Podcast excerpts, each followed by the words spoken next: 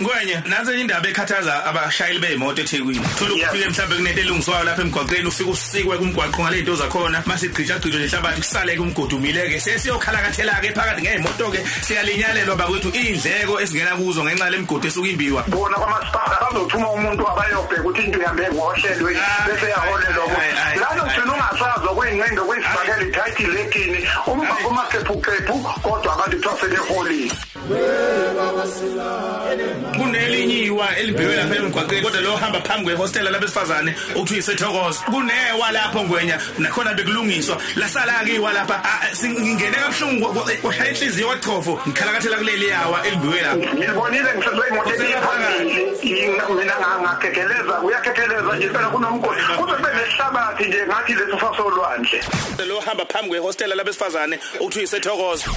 Ulalela isidlo sasekuseni Ukhozi FM hleli nomsakazo hamba phambili Afrika yonke Ukhozi FM luhamba phambili Thoma khona unganyakazi hlala nokhozi FM luhamba phambili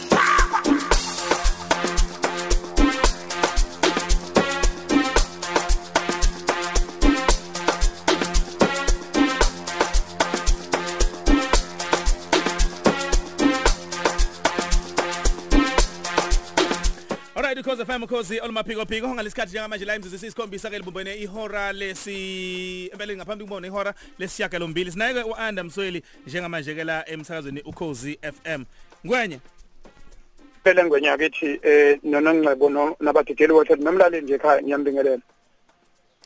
Eh sikhuluma la indaba yokuthi we- we- wengwenye umuntu uyakwazi ukuthi ahambe ayoclaima eh eminyangweni eh wezokuthuthwa mangabe eqhunyelwe yithayi noma mhlambe egotshelwe amarime emoto noma kwalibala amashock emoto ngenxa ukuthi ukhalakathela kule mgodi egcwele umgwaqo?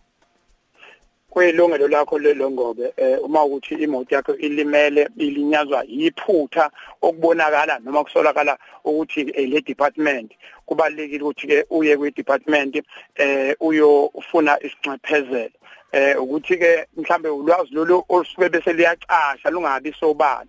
Ngoba kuzoba kubili kuzoba ukuthi ke eh khona izinto ezenzeka national khona izinto ezenzeka pro kwi province kwi provincial kube nezinto ezenzeka kumasipala. Kodwa nje ilungelo lakho lelo esemthethweni ukuthi uhambe futhi nayo i-department iyakwazi lokho ngoba kukhona umnyango oqondene nje nko nalezo khalo enjengalezo Mayingwenya of mine. Mayingwenya. Siyazi ukuthi ke kuba khona imigudu ekufanele mayilandelwe ezimweni ezifana nalezi. Ake sibheke ke ukuthi ku- ikuphi umuntu ekufanele makakugcwalise masikhuluma ngendaba yam- yama-forms ekufanele makagcali- makagcwaliswe nobufakazi okufanele kulethwe nako konke. Ukuqinisekisa ukuthi is- isicelo sakhe uma kuthi uzithole kulesimo asiphazamiseki siyakwazi ukuthi sihambe nje si- ngendlela efanele.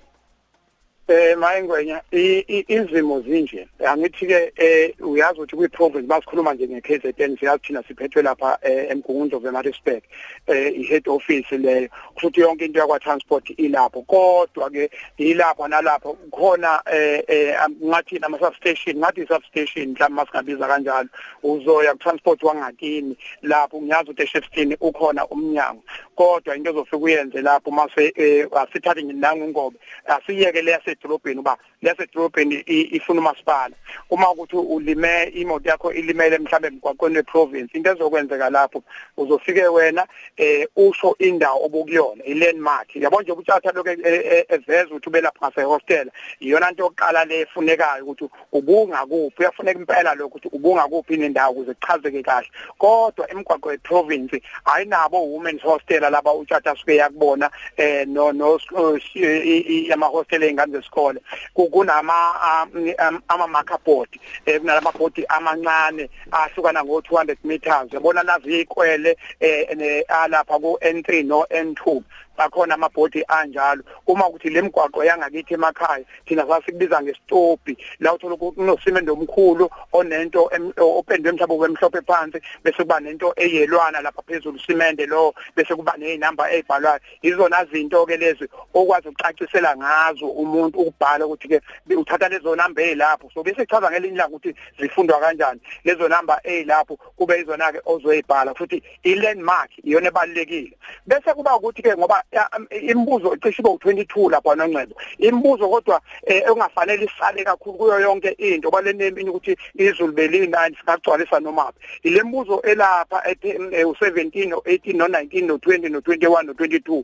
kunombuzo lapho u22 uzosho imali lona ifunayo bese kuthi ke imoto yami uphunyaka bese kuba khona umbuzo othi amasondo akho eh, mhlambe abe masha noma abe madala nama thread lokhu uzokuthola phi wena uyazi bese kuthi uya nalawo wawathenge khona bese bekwenzela into esancwadi engasho ukuthi ke lamasondo akho abeseka isimo sawo beseka nje. Uyayibona?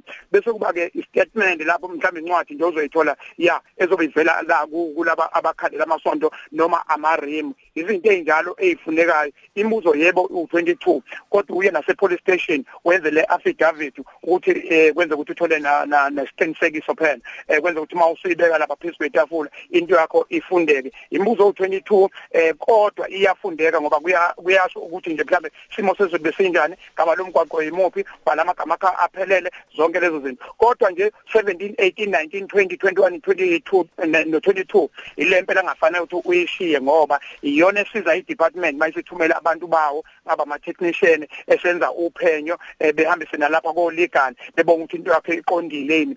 Nokunye mhlambe sike sikushiye ungaclaim kabili uclaima nje once ezinto zonke lezi abayibhekayo ukuthi ke awuzenzanga yini kwenze ukuthi ke ungaze bese ke ngento eyodwa bese uwina kabili. Yilezo zinto mhlambe kufanele ukuthi ngelinye ilanga sikhulume ngazo. Ngifuna ukubheka ke la ngwenye sesiphetha nje mfowethu ukuthi eh laba bahamba ngeithuthuthu abahamba ngamabhayisikili nabo babethola bese simene esifanayo bona bamisa kanjani? Eh okwesibili ngwenye eh kuzoba indaba ethinta la eh mhlawumbe uthola ukuthi abagunda utshana abanye eceleni komgwaqo eh isebenzi mhlawumbe kamasipala bese kuqhasha itshe mhlawumbe liyoshaya windscreen lapho. Kumiswa kanjani izinto ezinjengalezo asithathe lona weinyawo oqala ke uzuyibona ukuthi wonke umuntu ungena lapho. Uma kuyiphutha le department noma kamasipala ke sithi uyabo i-manhole cover lezinto lezi ezicover mhlambe ijamkoko kanje utho ukuthi sigudlukile. Wena ubuhamba ngeinyawo mhlambe kwangena unyawo lwakho lapho lwabhinyika.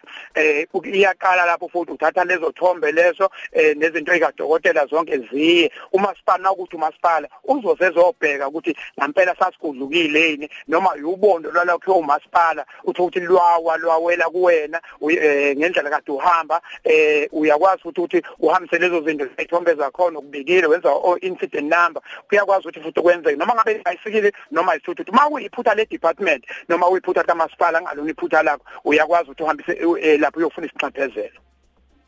Alright kezokala ngwenye sibakhulu mfowethu ngesikhathi sakho sikufisela kusokoludla ngiyabonga kakhulu ngwe right and msolikele sikhuluma naye lapha na ke ithinta kwezemigwaqo ke sithemba uzuleke ukuthi ngempela kungathatha ke inyathelo mangabe ke ubhekene nesimo esinjengalesi sokuthi ulinyalelwe ke imoto ngisho noma ngabe kuthiwa kulimala wena uqobo njobe eciqeda kuhlubudlu bekhasi njingwenya kunjalo ke ngempela.